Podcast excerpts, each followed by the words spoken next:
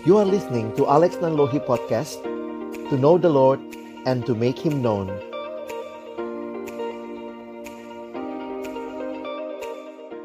Shalom, selamat pagi teman-teman sekalian. Senang sekali boleh ketemu dengan teman-teman melalui Zoom ini. Jadi kita bukan berjumpa tapi berzumpa ya. Kita bersyukur karena tidak ada yang bisa membatasi kuasa Tuhan untuk kita tetap bisa bertumbuh dan itu juga yang menjadi tema pagi hari ini. Kita mau bicara tentang bagaimana mengalami Allah.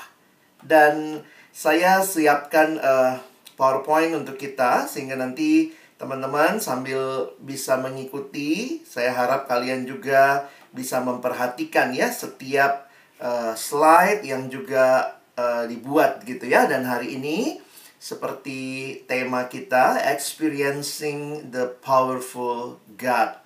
Jadi ini satu hal yang penting bagi kehidupan beriman kita bahwa kita bukan hanya memiliki pengetahuan tentang Allah, tetapi lebih jauh lagi kita pun mengalami Allah secara nyata dalam hidup kita.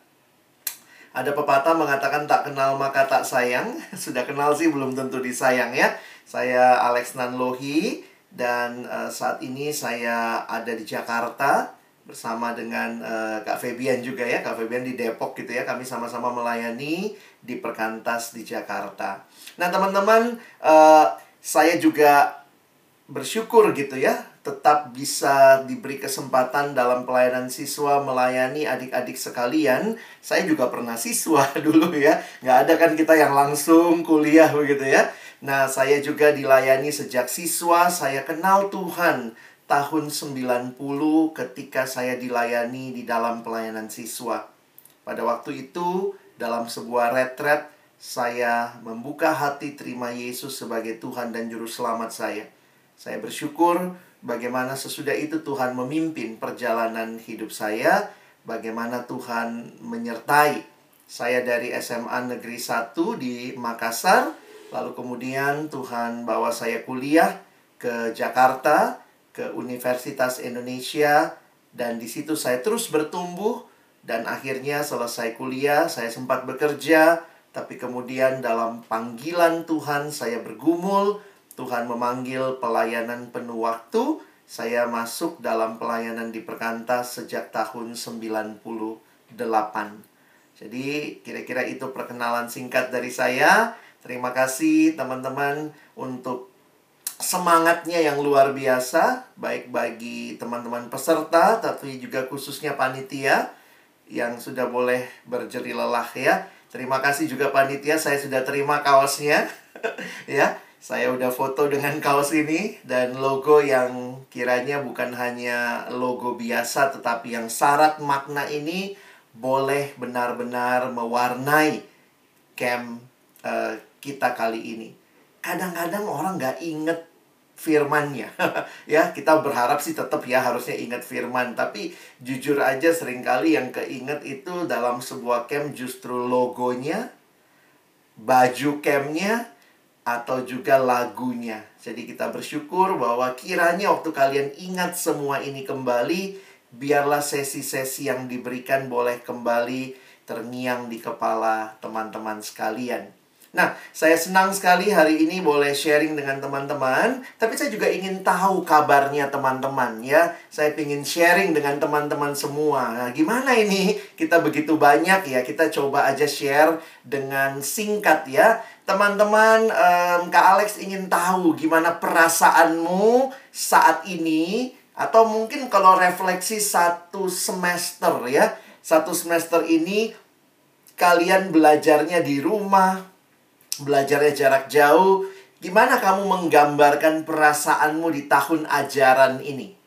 Nah, silakan dalam waktu yang ada kita coba share ya. Ayo, coba lihat, boleh pilih maksimal dua ya, maksimal dua icon yang muncul ya, emoticon. Silakan pilih nomor berapa dan nomor berapa. Atau kalau cuma satu, silakan ya. Kita share sebentar yuk di grup di live chatnya silakan. Oke, okay, thank you. Wah, satu dan tujuh, dua dan enam, dua. Wah, 2 dan 7. 2, 3, 7, 6. Waduh, banyak banget, Mbak. ya, dua aja maksimal ya. Karena kalau dipikir ada yang bilang 1 sampai 9, Kak. Semua rasanya ya. Silakan ada lagi. Oke. Baik. Wah, ini dari segala uh, penjuru tanah air ada yang berkumpul di sini. Terima kasih. Teman-teman, uh, boleh nggak Kak Alex minta kesempatan untuk uh, share kali ya?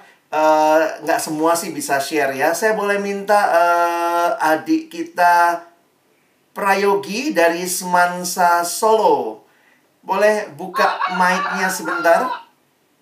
Boleh buka mic-nya lalu boleh cerita kenapa kamu pilih nomor itu apa alasannya? Boleh singkat di sharing kan?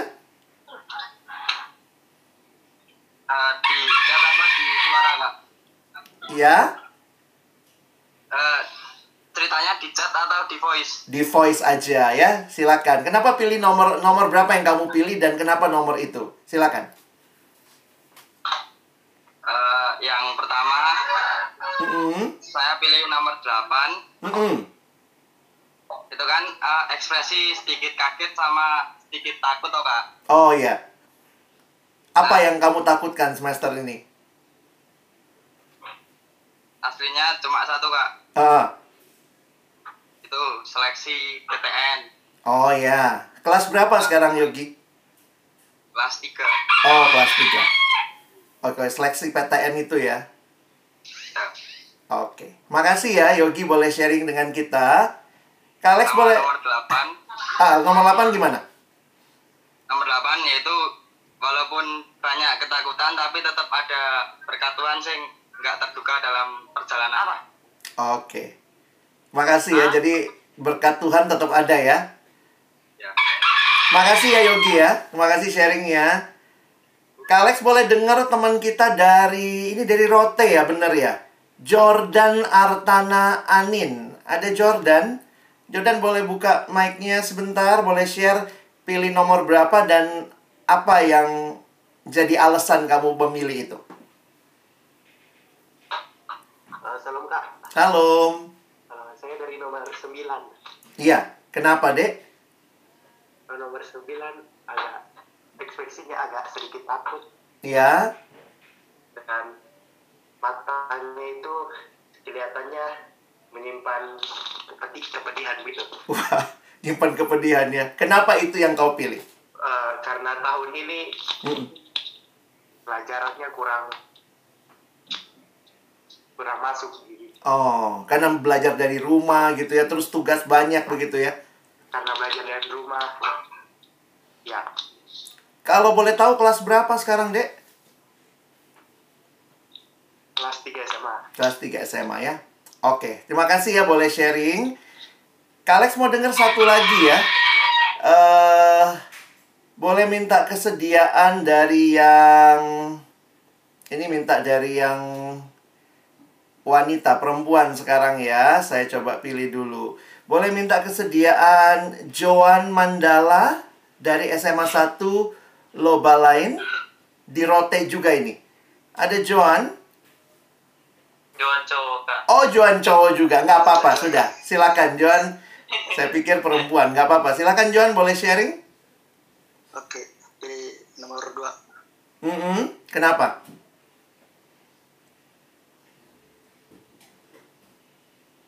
Halo Joan, sinyalnya bisa?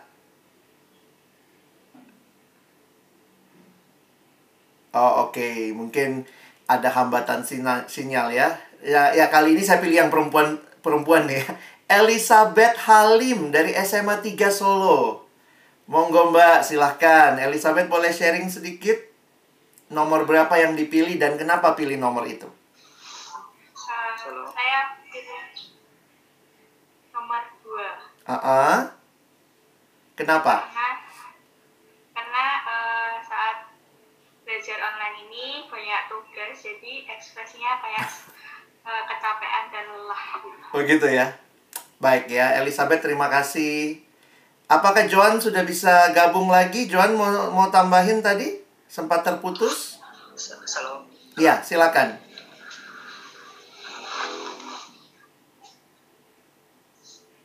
Silakan Johan. Eh, saya pilih nomor dua Kenapa? karena eh, di ekspresi nomor dua itu menyimpan kelelahan Mm-mm. saat eh, belajar mungkin banyak materi juga yang belum masuk di otak Hmm. Johan kelas berapa sekarang, Dek? kelas 2 SMA Kelas 2 SMA ya.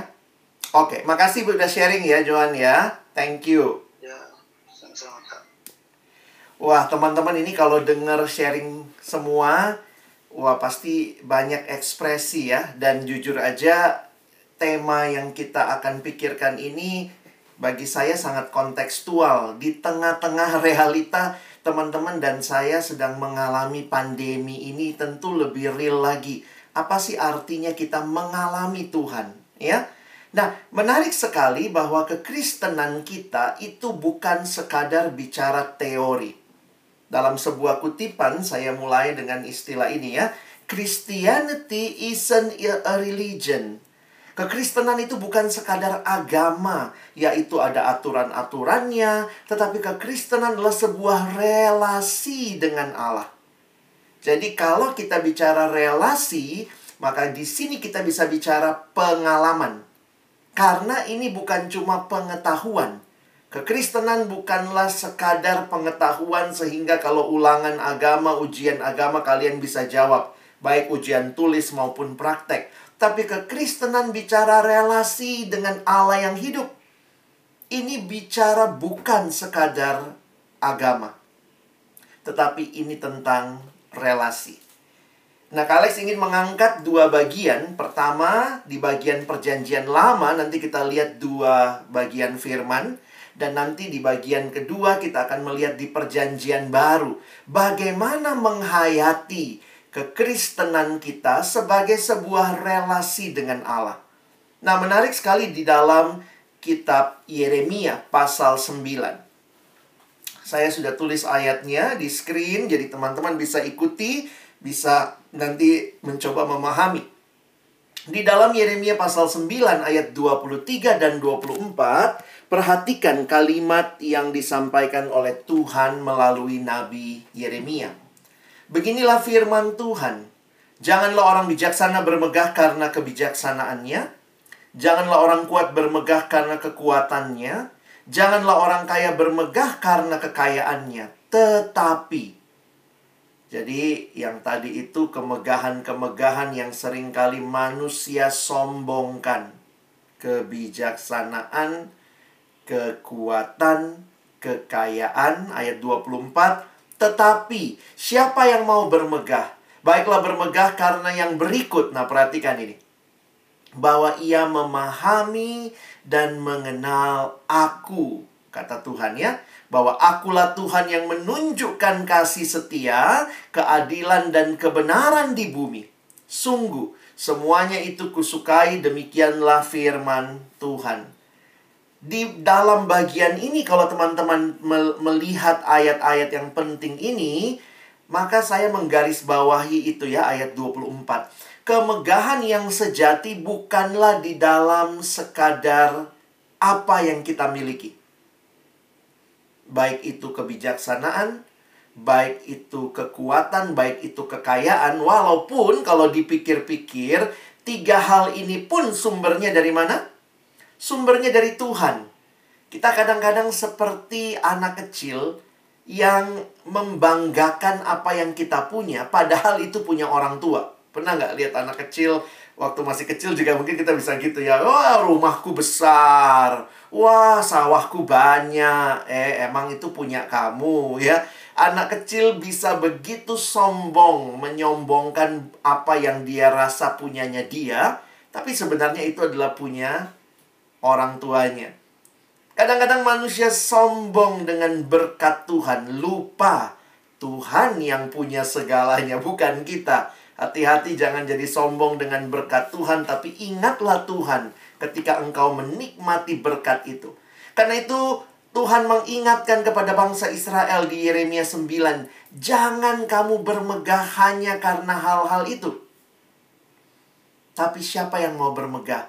Baiklah ia bermegah karena berikut yang berikut bahwa ia, nah ini menarik ya, ia memahami dan mengenal aku. Kata mengenal di dalam bahasa Ibrani itu dipakai istilah yada. Dan mengenal ini adalah pengenalan yang melibatkan pengalaman. Jadi Alkitab kita berbicara kata kenal bukan cuma sekadar sesuatu yang kita tahu secara kognitif. Tetapi Alkitab berbicara mengenal sebagai sebuah relasi yang di dalamnya di situ ada melibatkan pengalaman. Saya kasih pertanyaan gini ya. Ini ini untuk kita bisa memahami aja. Apa bedanya tahu sama kenal? Ya, itu tentu beda ya. Tahu misalnya kalau saya tanya nih, teman-teman tahu presiden Indonesia yang perempuan? Nah, kalian mau tahu, tahu Kak, siapa namanya? Ibu Megawati. Wah, hari ini pas hari Ibu ya. Ibu Megawati. Tapi coba Kak Alex tanya lagi. Kalian kenal Ibu Megawati? Nah, mungkin nggak semua berani ngomong kenal ya. Ya, saya sih tahu aja, Kak. Tahu. Tapi kenal eh, enggak gitu ya. Jadi teman-teman bisa melihat perbedaan bahwa ada yang namanya pengetahuan, pemahaman, tetapi ada yang lebih dalam bicara pengenalan yang di dalamnya meliputi tema kita hari ini tentang experiencing.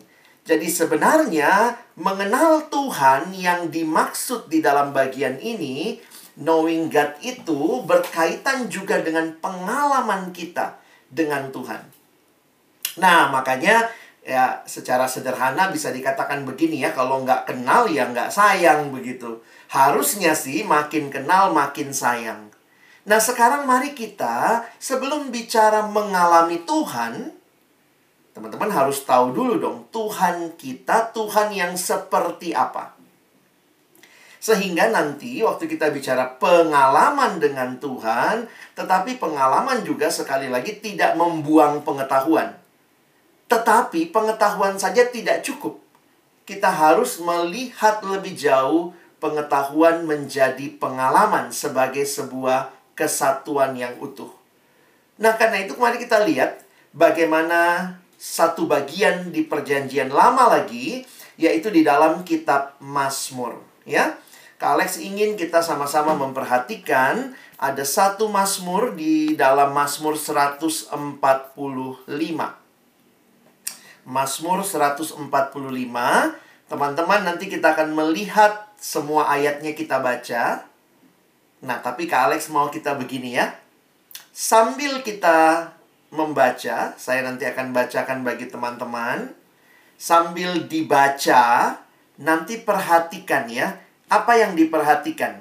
Lihat bagaimana pemazmur menyatakan pujian kepada Tuhan.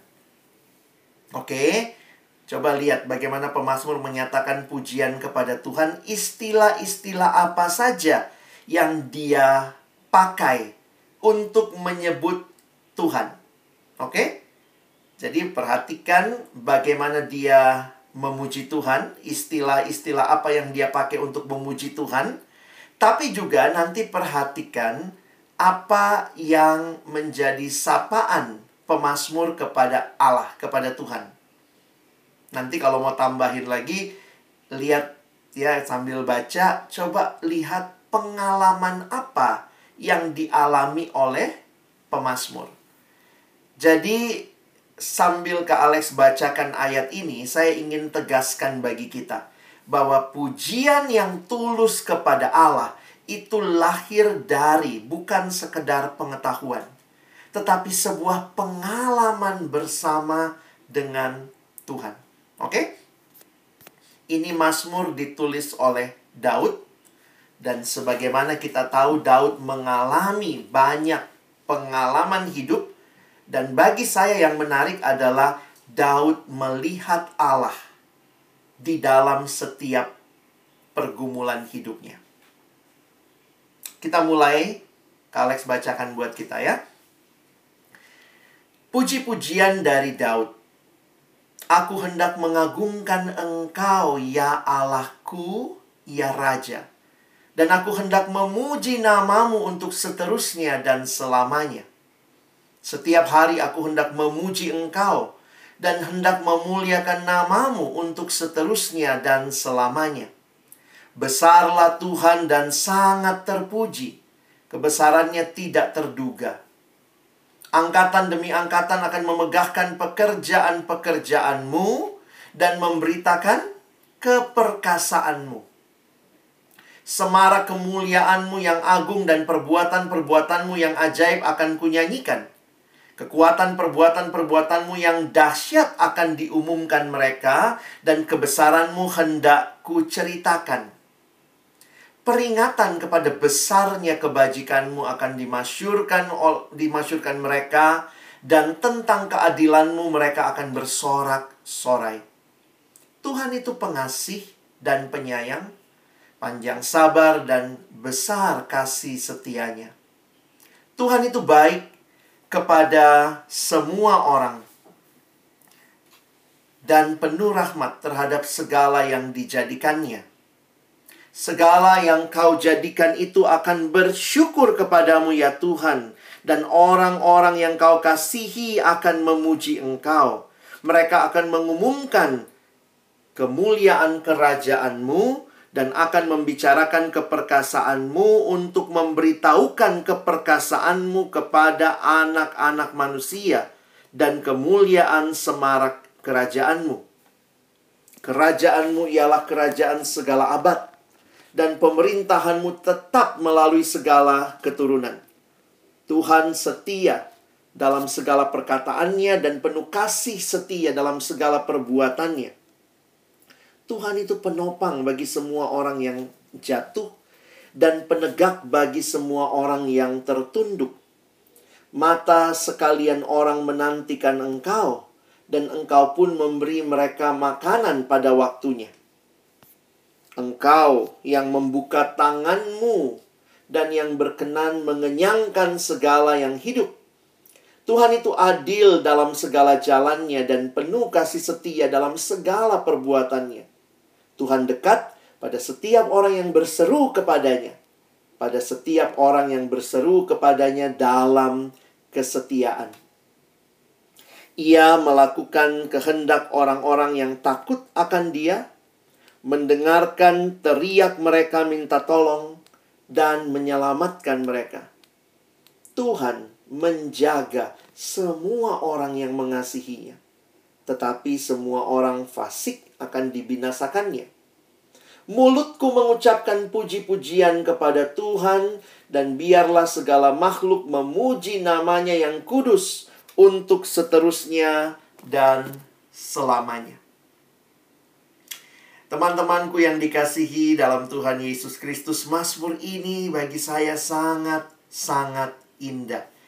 Mazmur yang mengungkapkan begitu luar biasanya Allah yang dipuji karena pengalaman pemazmur dengan Allah. Dan ini menjadi hal yang kita ingin lihat sama-sama ya. Kalau teman-teman ada waktu lagi nanti coba baca ulang. Kak Alex ingat waktu dulu pimpin kelompok kecil siswa, kelompok PA di siswa, saya ingat saya minta adik-adik membuat Mazmur pujian kepada Tuhan. Dan waktu itu saya ingat saya mimpinnya adik-adik dari STM ya. Saya bilang coba bikin Mazmur, coba tulis Mazmur. Karena ini kan pujiannya Daud. Kalau kamu sendiri mengalami Allah, kira-kira apa yang kamu tuliskan ya? Waktu itu saya minta mereka menuliskan bikin seperti puisi, seperti Mazmur anak STM yang biasanya hitung bangunan, hitung apa ya, berapa batu bata disuruh bikin puisi, wah langsung nggak jadi puisinya ya. Tetapi yang menarik ada ada pengalaman yang bagi saya adik itu nulis ya. Tuhan yang menolongku dalam ulangan hitung bangunan ya. Justru pengalaman dia dengan Tuhan karena sering kali kita pinjam istilahnya Daud. Kita bisa ngomong gitu ya. Tuhan, gunung batu, keselamatan, kekuatan, kota benteng, perisai. menara pembebasan, tapi teman-teman kan tidak mengalami perang. Itu bahasa-bahasa di saat itu yang Paul uh, yang Daud pakai ketika dia dan umat Israel mengalami diserang, berhadapan dengan peperangan.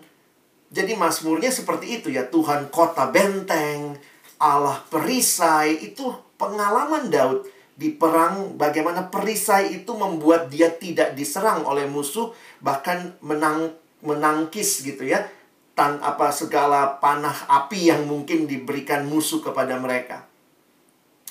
Tapi jangan lupa itu pengalaman Daud. Bagaimana masmurmu? Bagaimana masmurku? Orang-orang yang juga masih mengalami Allah yang setia sampai hari ini. Tentu boleh pakai Mazmur Daud karena ini firman Tuhan ya, kita perlu belajar tapi biarlah kita tidak berhenti dengan Mazmurnya Daud. Kita pun memberikan pujian yang tulus dari pengalaman hidup kita bersama dengan Tuhan. Kita gali sebentar ya, Mazmur 145, tentu waktunya nggak panjang. Kak Alex hanya ingin menunjukkan beberapa ayat saja untuk kita hayati dan pahami. Jadi Mazmur ini merupakan Mazmur terakhir dari Daud dalam susunan kitab Mazmur ya. Tidak semua Mazmur ditulis oleh Daud. Beberapa Mazmur jelas seperti Mazmur ini ditulis di atasnya puji-pujian dari Daud misalnya. Tapi ada Mazmur yang tanpa nama. Jadi itu mungkin bukan Daud yang menulis. Mazmur ini merupakan Mazmur terakhir dari Daud dan sudah jelas sejak judulnya dikatakan Mazmur ini adalah puji-pujian. Dan ini disusun dengan indah dalam bentuk puisi akrostik. Kalau teman-teman mengerti puisi akrostik itu di dalam alfabetnya orang Ibrani, maka 21 ayat ini berurutan begitu ya. Yang ayat 1 dimulai dari huruf alefnya, bet, gimel gitu ya. Itu susunan huruf dalam uh, abjadnya Ibrani. Jadi memang kalau kita mengerti bahasa aslinya bahkan lebih indah ya karena ada bagian secara sastra sangat luar biasa ditulis dari semua huruf alfabet secara berurutan. Nah, hal lain yang menarik adalah tadi yang Kalex minta ya coba teman-teman perhatikan bagaimana pemazmur menggunakan begitu banyak kata yang berbeda untuk istilah memuji. Ya. Tapi bukan itu saja, perhatikan juga tadi saya bilang, lihat bagaimana pemazmur menyebut Allah. Dan lihat juga ada beberapa bagian yang disampaikan pemazmur memberikan alasannya kenapa dia memuji. Jadi kalau teman-teman nanti PA pribadi gitu ya, coba Mazmur ini saya senangnya tuh kalau lagi PA tuh oret-oret ya. Ya udah dioret-oret aja ya, misalnya ini ayatnya kan ya. Nah, perhatikan yang saya lingkari warna warna hijau itu sebutan tentang Allah. Nah, yang saya lingkari dengan atau saya garis bawahi dengan warna merah itu menunjukkan kata yang dipakai yang sinonim dengan kata memuji, ya. Aku hendak mengagungkan, Nah, dia sebut ya Allahku, ya Raja. Teman-teman, karena kita nggak pernah ada di kerajaan ya, kalau mungkin di Surakarta, di Solo ya kalian juga ada kerajaan ya, tapi kan kita tidak hidup seperti masa yang lalu. Tidak melulu seperti masa yang lalu, di mana sebenarnya kalau teman-teman memperhatikan, apa artinya raja? Raja itu orang yang punya kuasa, punya power yang mutlak atas seluruh kerajaan.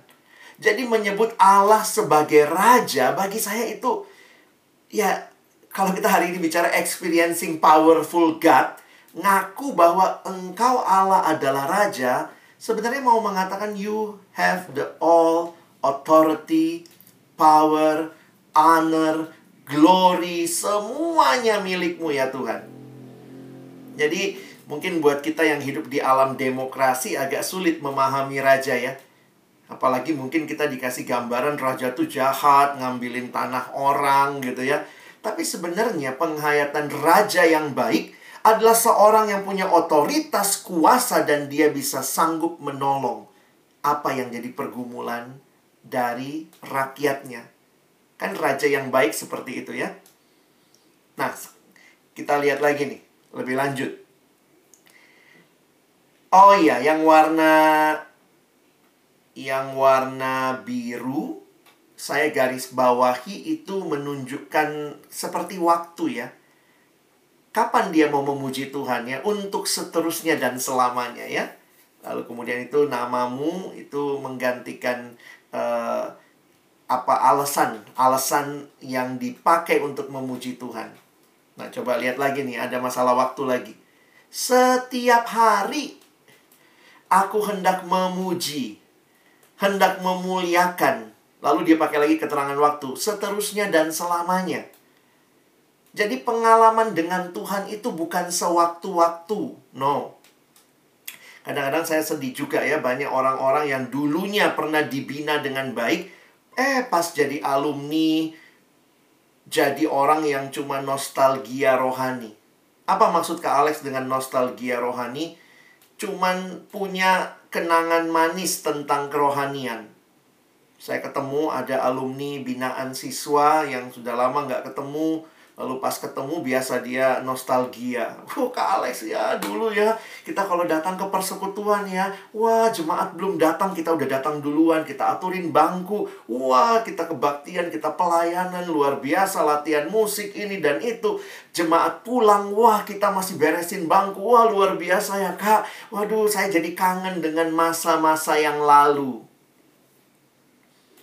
Saya dulu rajin banget ya kak. Saya dulu cinta Tuhan banget ya kak. Saya dulu rajin sekali untuk benar-benar ikut PA.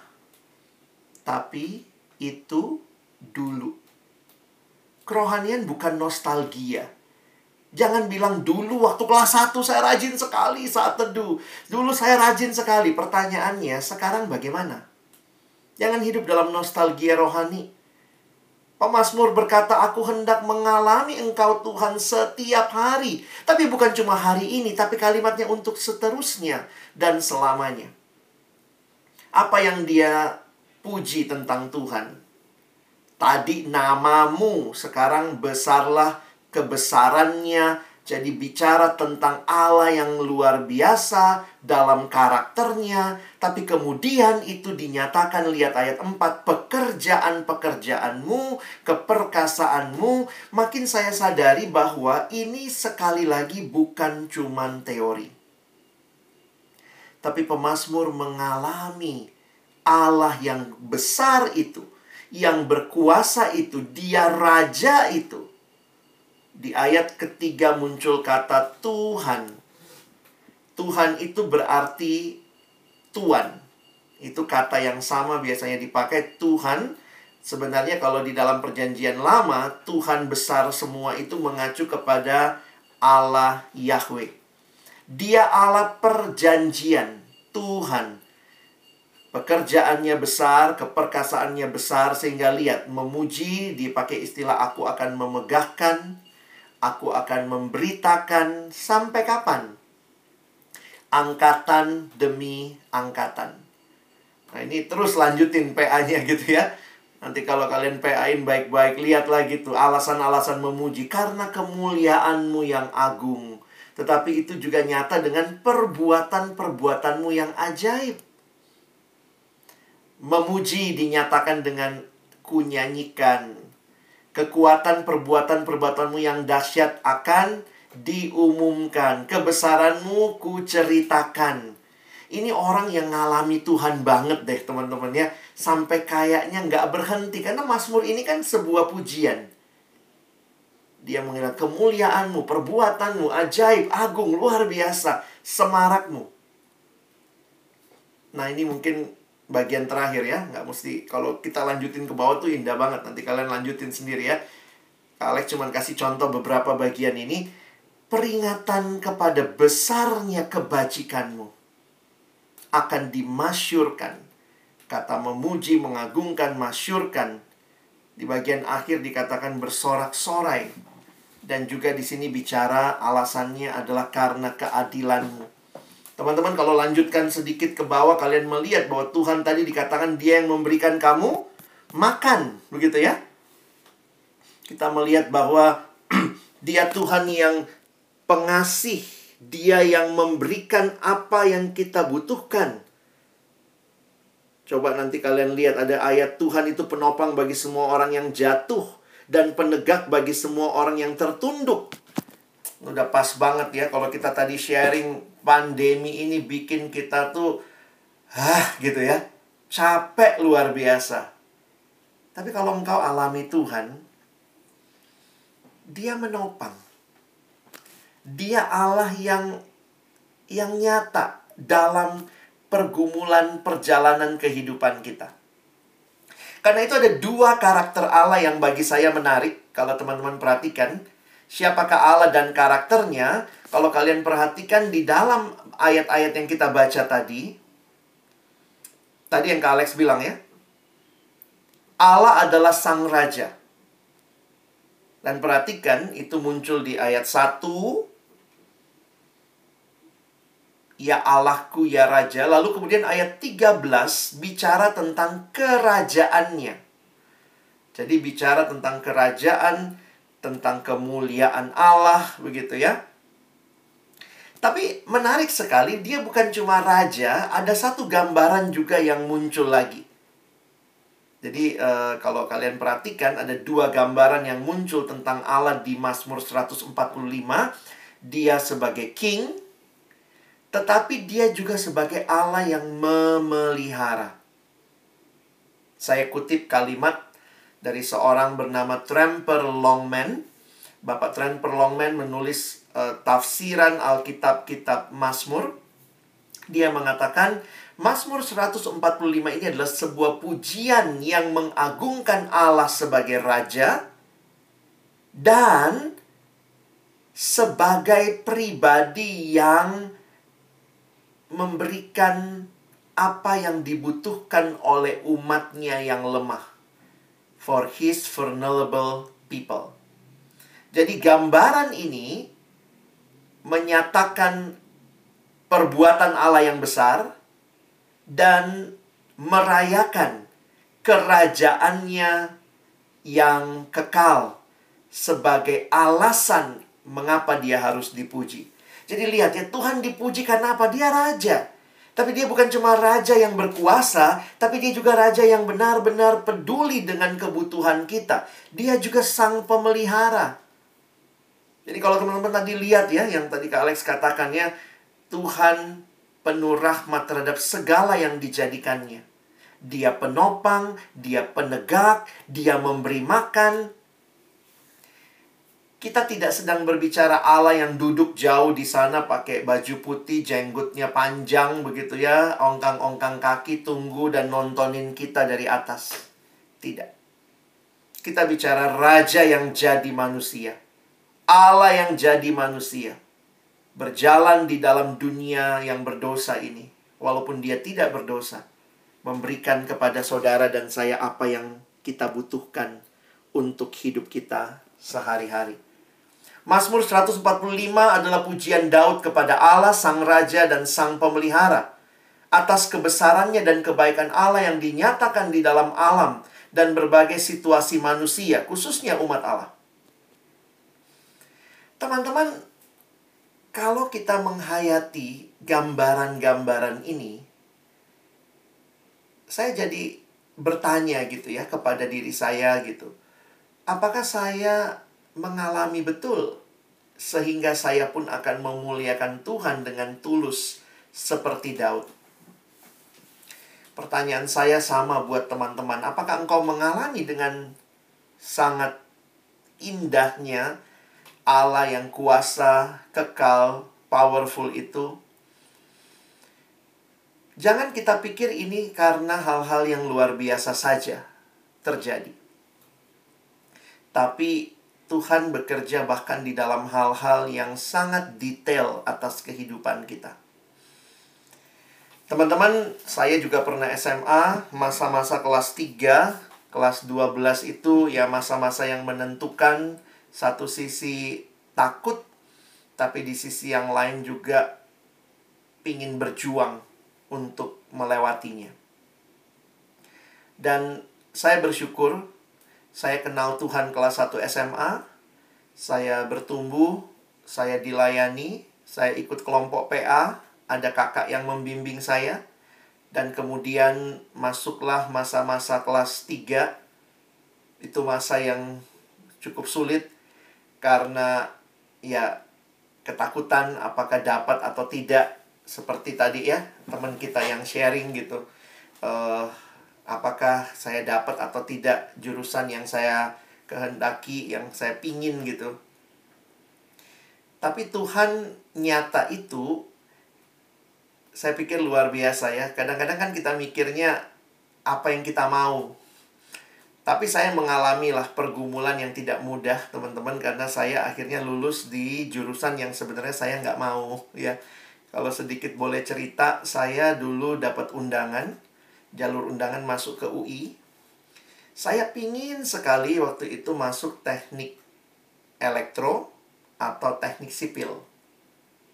Tapi karena jalur undangan, maka kami di sekolah di ranking dan saya menduduki ranking keempat.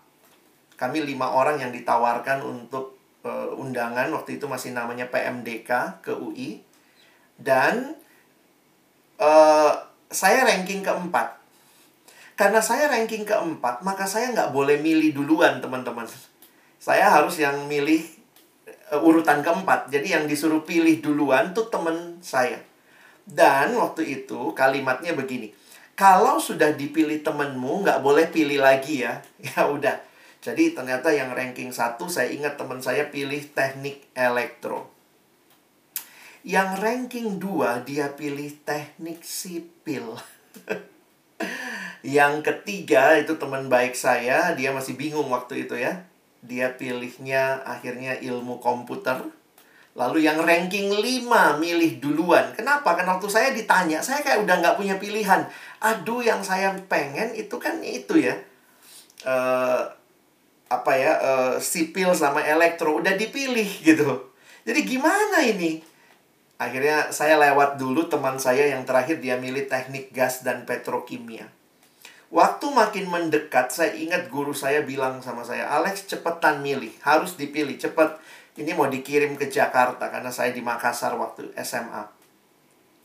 Dan jujur waktu itu dengan informasi yang kurang, saya cuma ingin ingatkan kepada kita gitu ya bahwa pengalaman saya belum tentu berlaku buat teman-teman, tapi begini. Saya menyadari bahwa Allah yang berkuasa itu bukanlah Allah yang mengikuti apa yang saya mau. Tidak selamanya begitu. Kadang-kadang kita pikir kalau Allah berkuasa maka saya harus dapat yang saya mau. Itu lama-lama kita yang jadi Allah. Dia cuma jadi pembantu kita. Ayo lakukan yang saya mau. Tapi waktu itu dalam kesalahan saya. Saya salah milih teman-teman. Saya nggak tahu.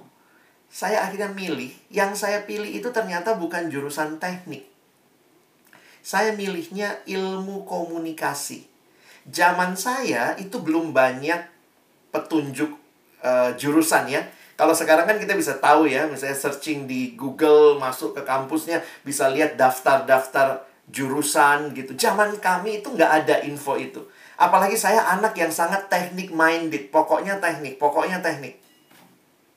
Jadi waktu saya disuruh milih terakhir saya cuma mencap cipcus yang mana? Ya udahlah ini ada bagus nih tulisannya ilmu komunikasi. Itu belajar apa? Saya nggak kepikir saya mikirnya oh paling nanti belajarnya telekomunikasi satelit segala macam ya. Teman-teman dalam kekurangan informasi dan kebodohan saya saya milih ilmu komunikasi. Dikirimlah ke Jakarta formulirnya dan Ternyata singkat cerita dari lima orang saya sendiri yang lulus. Wah, teman-teman tuh saya kaget luar biasa waktu saya tahu juga ternyata komunikasi itu bukan teknik. Wah, itu ilmu sosial gitu. Wah, saya kaget luar biasa teman-teman. Dan saya sempat nggak mau ngambil. Tapi saya ingat banget guru saya telepon dan dia bilang gini. Alex, kamu harus ambil. Kalau kamu nggak ngambil, tahun depan adik-adik kelasmu akan sulit untuk dapat. Jadi teman-teman, saya belajar melihat bahwa Allah yang berkuasa itu memberikan juga bagi kita kesempatan untuk uh, mengalami Dia, bahkan di saat yang mungkin kita pun salah pilih. Jadi, saya banyak kali dalam hidup mengalami bahwa Allah yang berkuasa itu bukan Allah yang ngikutin semua yang saya mau. Bahkan yang saya saya rasanya kurang informasi, saya memilih tanpa kejelasan, tapi Tuhan dalam kedaulatannya dia tetap berkuasa. Dan bahkan sekarang saya bisa katakan mungkin seperti Yusuf juga ya. Kita lagi belajar Yusuf teman-teman ya Yusuf itu waktu dia lihat ke belakang akhirnya kan dia bilang ya bahwa kamu mereka-rekakan yang jahat tapi Tuhan membawanya untuk kebaikan. Saya waktu merefleksikan hidup saya saya jadi sadar juga gitu. Kalau saya masuk teknik mungkin saya nggak jadi pembicara kali pagi ini ya. Saya lagi ada di lapangan ngurusin yang lain. Bukan berarti itu nggak baik ya, tapi ternyata Tuhan punya rencana yang indah bagi hidup saya sehingga pengalaman saya dengan Tuhan bukan cuma mengalami dia ngikutin maunya saya. Tapi saya mengalami kekecewaan yang di dalamnya Tuhan seperti bicara. Aku tetap Allah yang berkuasa bahkan di dalam apa yang menurut kamu salah pilih. Apa yang menurut kamu gagal, tapi aku punya rencana di dalam semua itu. Teman-teman itu nggak mudah ya. Saya bisa sharing begini tapi waktu itu ya dilalui dengan air mata. Rasanya tuh kayak mau menyerah. Apalagi waktu saya masuk ke uh, fisik gitu ya. Ternyata itu ilmu sosial, ilmu politik. Saya orang yang dulunya menyepelekan sosial gitu. Sekarang harus belajar sosial. Akhirnya saya di situ jadi sadar ya. Ternyata Tuhan sedang membentuk saya melampaui apa yang saya pikirkan tentang diri saya. Saya jadi ingat sebuah kalimat perenungan dalam masa-masa ini. Saya simpulkannya begini. Kalau saya saja punya rencana yang besar untuk hidup saya, apalagi Tuhan pencipta saya. Dia pasti punya rencana yang besar bagi saya. Dan dia pasti akan memimpin saya masuk rencananya. Di dalam anugerahnya Tuhan mengizinkan pergumulan terjadi tapi dia tetap berkuasa. Jadi kalau memang orang suruh saya sharing tentang Allah yang berkuasa, saya bukan bicara Allah yang berkuasa karena udah ngelolosin saya masuk UI. Banyak orang yang bilang, wah hebat ya masuk UI ya. Saya waktu itu mah miris, nangis gitu. Hah? Masuk. Padahal saya nggak mau jurusannya. Tapi ternyata powerfulnya Tuhan itu. Waktu saya masuk di kampus, Tuhan memberikan persekutuan yang baik, membangun saya secara rohani. Tuhan memberikan teman-teman persekutuan. Saya waktu itu sudah pikir ya, wah tahun depan ujian lagi deh. Tapi setelah saya lalui, ternyata Tuhan menunjukkan bahwa aku berkuasa. Tuhan bisa menolong. Ya, saya bisa bayangkan yang dulunya saya benci mata pelajaran sosial, jadi belajar sosiologi, antropologi. Dulu saya pikir ini makanan apa begitu ya. Kuasa Tuhan bekerja bahkan di dalam kelemahan dan keterbatasan kita. Pertanyaannya adalah kalau kita disertai Tuhan, apakah kita juga benar-benar berserah kepada Dia? Nah, ini mungkin yang jadi pertanyaan penting. Saya bisa saja dalam kekecewaan saya lari ke hal-hal yang nggak benar. Saya ingat teman kos saya, karena saya di Jakarta ngekos. Dia tiap malam main judi di kosan dia ajak kami teman-teman tapi saya nggak mau ikut gitu ya jadi orang tuanya padahal itu di desa membajak sawah, anak di Jakarta abisin duit main judi gitu ya. Dia tidak terlalu suka jurusannya. Tapi kemudian ekspresinya adalah ya sudah dia main judi. Saya melihat waktu itu Tuhan menjaga saya. Kuasa Tuhan yang indah itu. Dia jaga saya untuk dalam kekecewaan. Kayak Tuhan kayak kasih ini ya. Waktu itu saya udah kenal saat teduh saya udah kenal teman-teman persekutuan. Kak Alex pernah ya lagi duduk di di masa-masa semester 1 lagi duduk dalam kelas belajar sosiologi, tiba-tiba kayak saya kebayang gitu ya. Ngapain saya di sini ya? Saya sedang ada di tempat yang saya nggak mau. Tapi seiring berjalannya waktu firman demi firman, persekutuan yang Tuhan hadirkan, itu mengkonfirmasi saya bahwa Tuhan punya rencana yang indah, yang lain dari apa yang saya rencanakan. Jadi, e, mengalami Tuhan sering kali memang jauh lebih real ya di tengah-tengah kita kecewa, pergumulan gitu di tengah-tengah kita ada masalah. Karena waktu semuanya lancar, sering kali ya, ya Tuhan baik, oh asik, Tuhan baik. Tapi bagaimana menghayati Tuhan baik walaupun kondisi saya sedang nggak baik? Nah, di situ saya melihat Allah yang berkuasa menolong kita. Kenapa? Karena kita hidup dalam dunia yang tidak semuanya akan baik. Ada saat-saat kita mungkin mengalami hal-hal yang tidak baik, hal-hal yang berubah. Bayangkan corona ini ya, membuat banyak hal yang kita rencanakan harus berubah.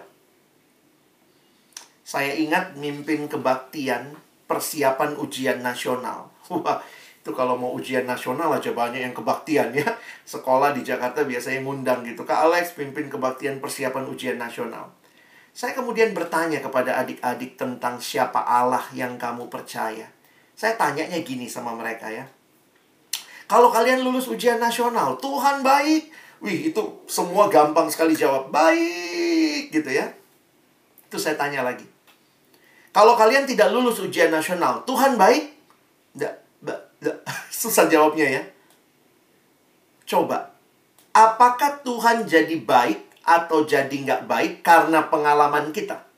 Oh, kalau saya lagi ngalamin yang baik, oh puji Tuhan, dia Allah yang baik. Kalau saya lagi ngalamin yang nggak baik, ah dia Tuhan yang nggak baik. Kalau demikian berarti saudara tidak kenal Tuhan.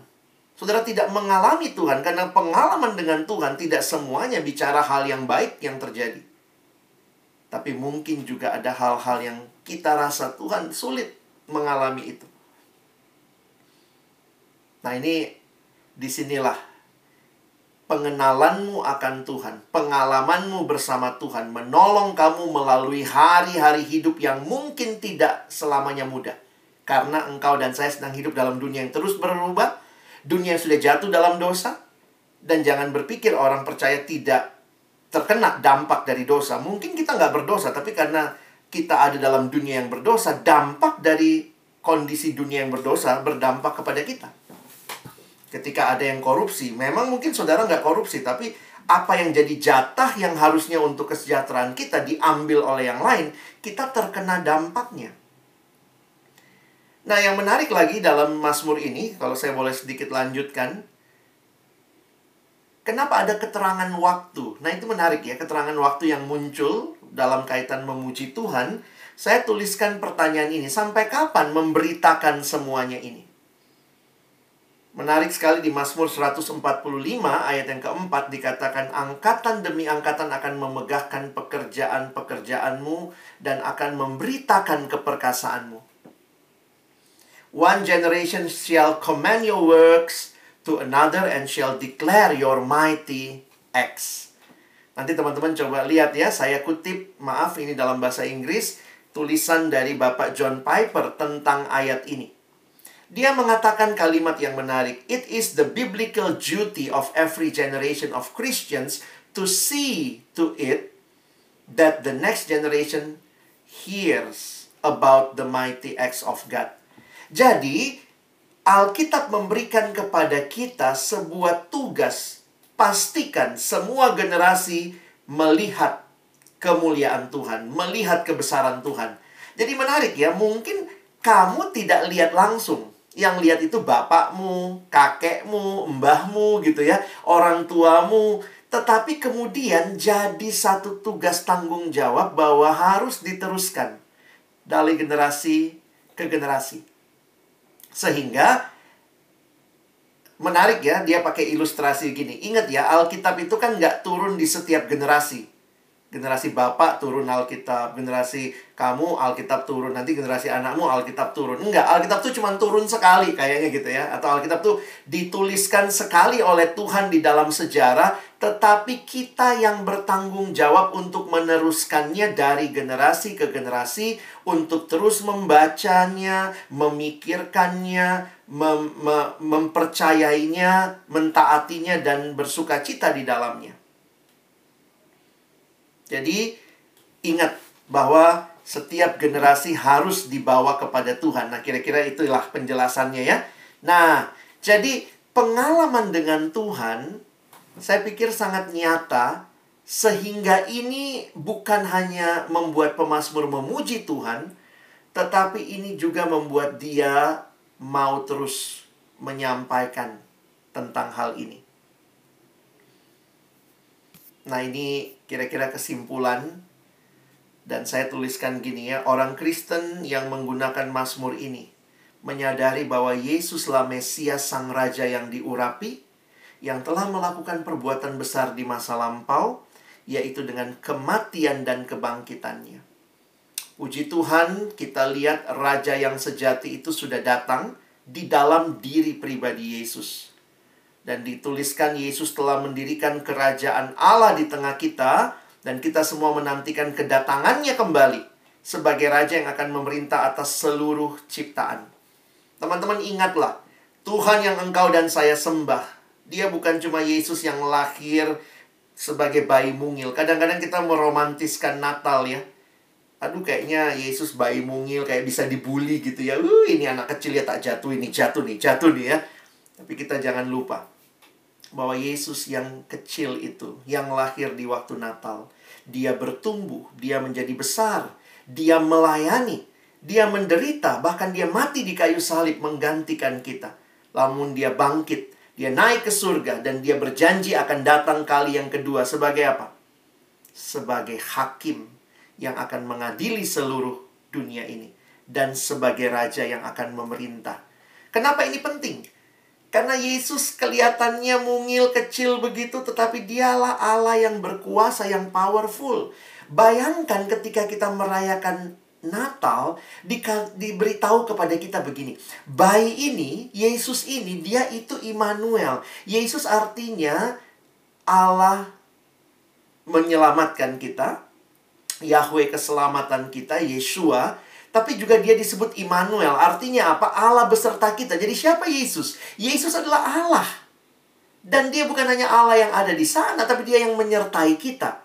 Berarti dia juga dekat dengan kita. Nah, karena itulah saya pikir waktu Paulus menghayati ini, Alex tutup dengan perjanjian baru ya. Waktu Paulus menghayati ini di Filipi pasal 3 ayat 10 dan 11, maka Paulus melihat karya Yesus yang dia sudah tuliskan di Filipi 2, Yesus adalah Allah yang menjadi manusia. Mengambil rupa seorang hamba. Lalu lihat yang dia tuliskan. Yang ku kehendaki ialah mengenal dia dan kuasa kebangkitannya dan persekutuan dalam penderitaannya di mana aku menjadi serupa dengan dia dalam kematiannya supaya aku akhirnya beroleh kebangkitan dari antara orang mati. Teman-teman yang dikasihi Tuhan, ingat baik-baik yang kita sedang ikuti dalam dunia ini. Dia Yesus yang mati dan bangkit tetapi yang Paulus rindukan adalah mengenal dia. Jadi kalau teman-teman tahu kuasa Tuhan, di perjanjian lama, kuasa Tuhan itu dinyatakan dengan Allah menciptakan dari yang tidak ada jadi ada. Itu dikatakan, wow, Allah berkuasa. Tapi di perjanjian baru, kuasa Allah ditandai dengan membangkitkan dari mati jadi hidup. Itu menyatakan kuasa Allah. Dan kalau tadi kita baca di Perjanjian Lama, kebahagiaan sejati, kemegahan sejati adalah mengenal Allah yang hidup, mengenal satu-satunya Allah. Di Perjanjian Baru, Paulus pun berkata, "Yang ku kehendaki adalah mengenal Dia dan kuasa kebangkitannya." To know Him. Tujuan hidup Paulus adalah untuk mengenal Allah. Seluruh aspek hidupnya diarahkan untuk mengenal Allah, termasuk melalui pelayanannya. Paulus merindukan dirinya semakin mengenal Allah. Ini pengenalan yang bagaimana? Ini pengenalan yang lebih daripada sekadar informasi. Tapi ini pengenalan yang meliputi relasi. Dan ini relasi pribadi teman-teman, gak bisa diwakilkan. Oh papaku pendeta kak, ya diwakilkanlah relasinya. Nggak bisa. Experiencing God personally. Karena pengalaman dengan Allah itu membawa perubahan hidup. Di mana kita lihat itu? Lihat ayat tadi. Mengenal dia, kuasa kebangkitannya, lalu menjadi serupa. Pengenalan yang transformatif. Bukannya waktu kita kenal Tuhan, kita jadi banyak ayat untuk bisa jawab kuis Alkitab. Bukan. Hidup ini bukan cuma untuk menjawab cerdas cermat Alkitab. Tahu Yesus lahir di mana, tahu nama mamanya siapa. Tapi kehidupan yang mengalami Allah, mengenal Allah, akhirnya makin serupa dengan Yesus. Jadi pengenalan ini, teman-teman dan saya butuhkan karena dia Allah yang berkuasa dan dia hadir dalam hidup kita, alami kuasanya. Coba kalian kasih contoh terakhir ya untuk kita pikirkan. Um, coba pilih dari dua kalimat ini. Kalimat mana yang kalian lebih senang? Saya kasih dua kalimat ya. Kalimat pertama begini. Ma, perempuan paling kaya di dunia adalah Ratu Elizabeth dari Inggris. Nah, ini kalimat pertama ya perempuan paling kaya di dunia adalah Ratu Elizabeth dari Inggris. Kalimat yang kedua, perempuan paling kaya di dunia adalah Ratu Elizabeth dari Inggris dan dia memberikan semua kekayaannya kepada saya. Ayo, lebih suka kalimat satu apa dua?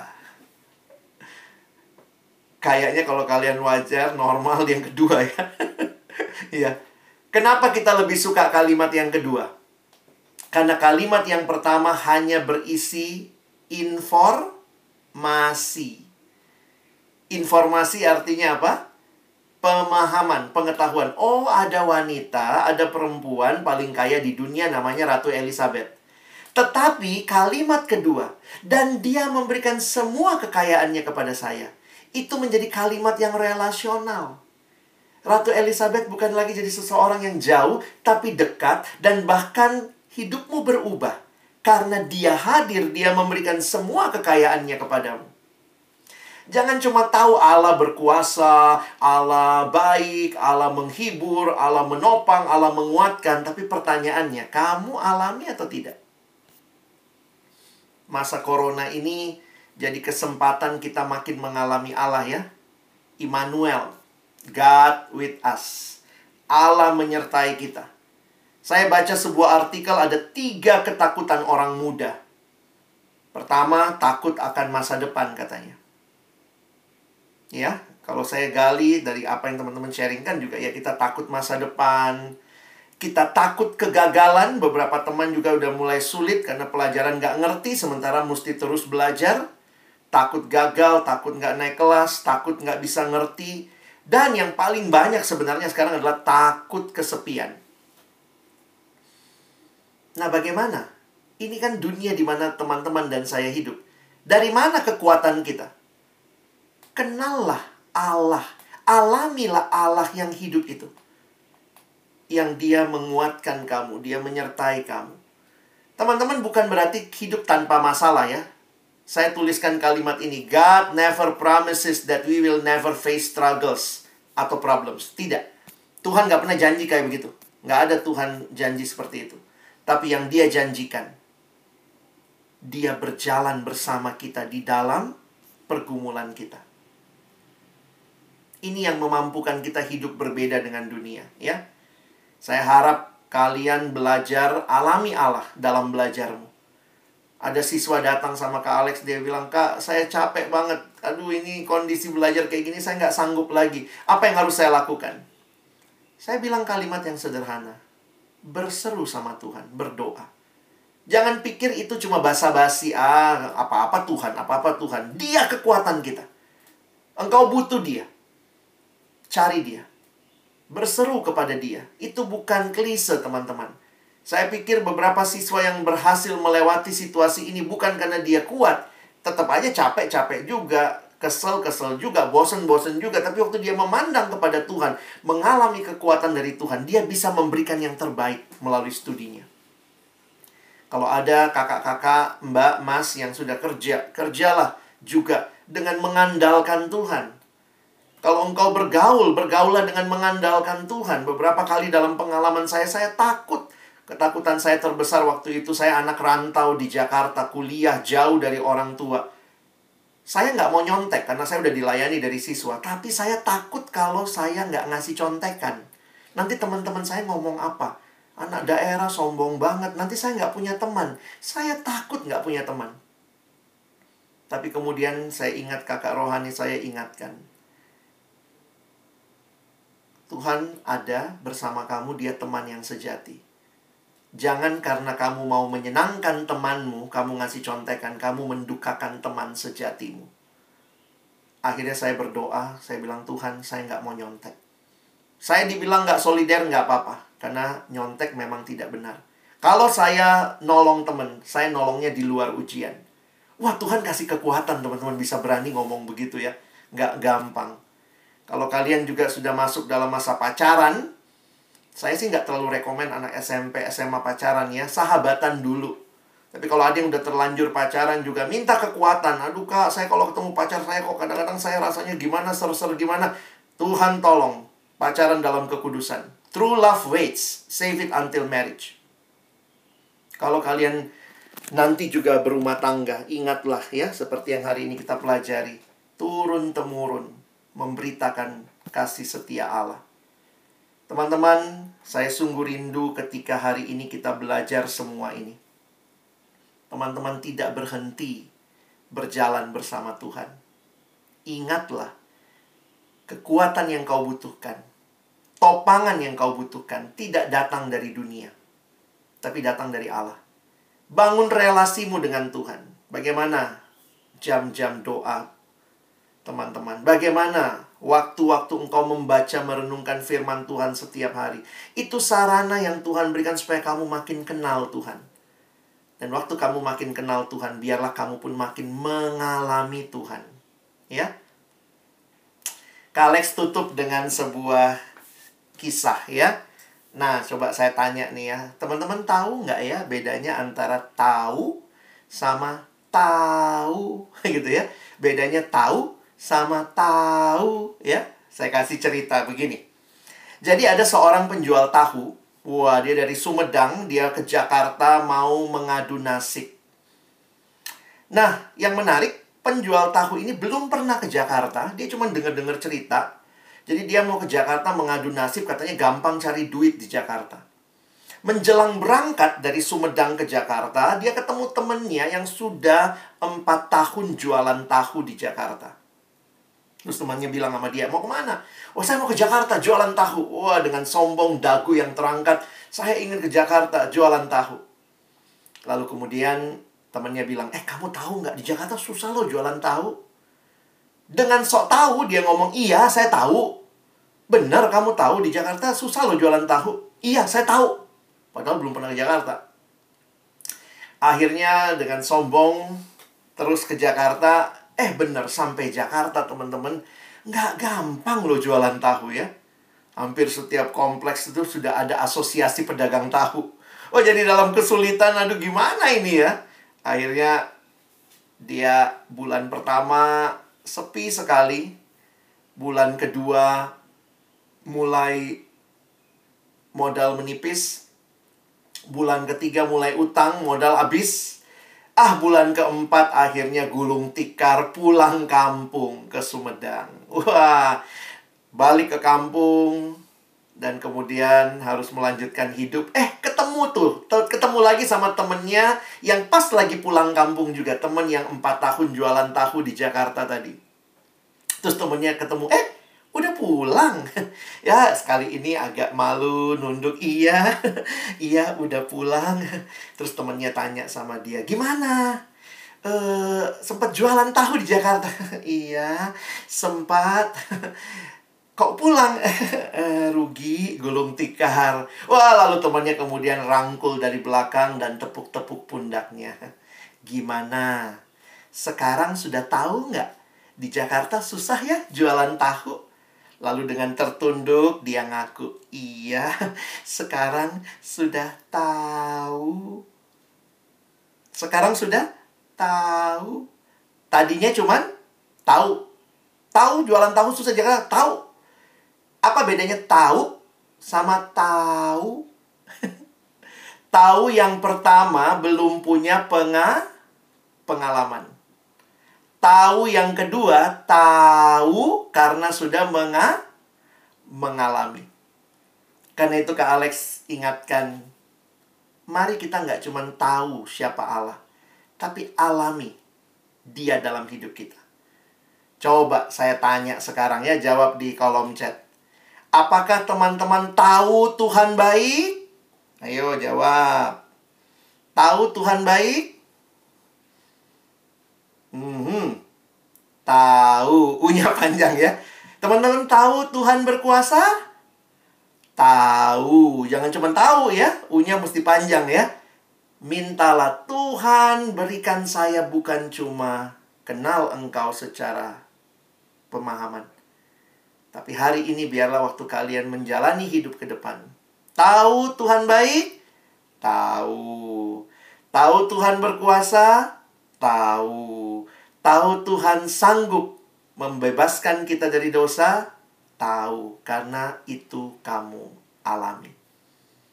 Selamat mengalami Allah, teruslah berjalan bersama Dia.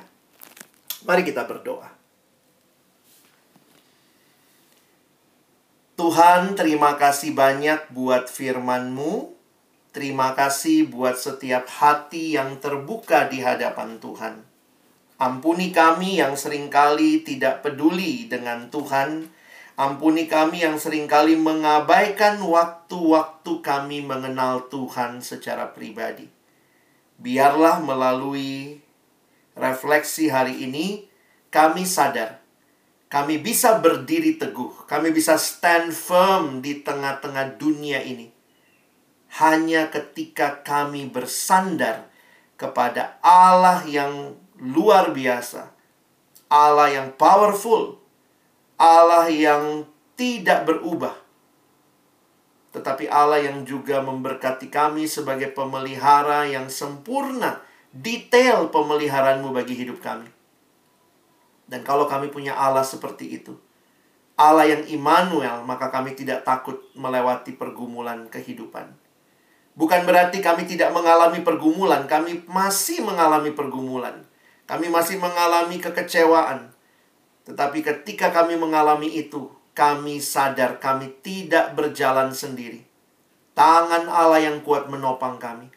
Dan engkau memampukan kami berjalan maju, memandang kepada Tuhan. Kami sungguh berdoa. Biar kami bukan hanya tahu tentang Engkau, tapi kami benar-benar tahu. Dalam nama Yesus kami berdoa. Amin.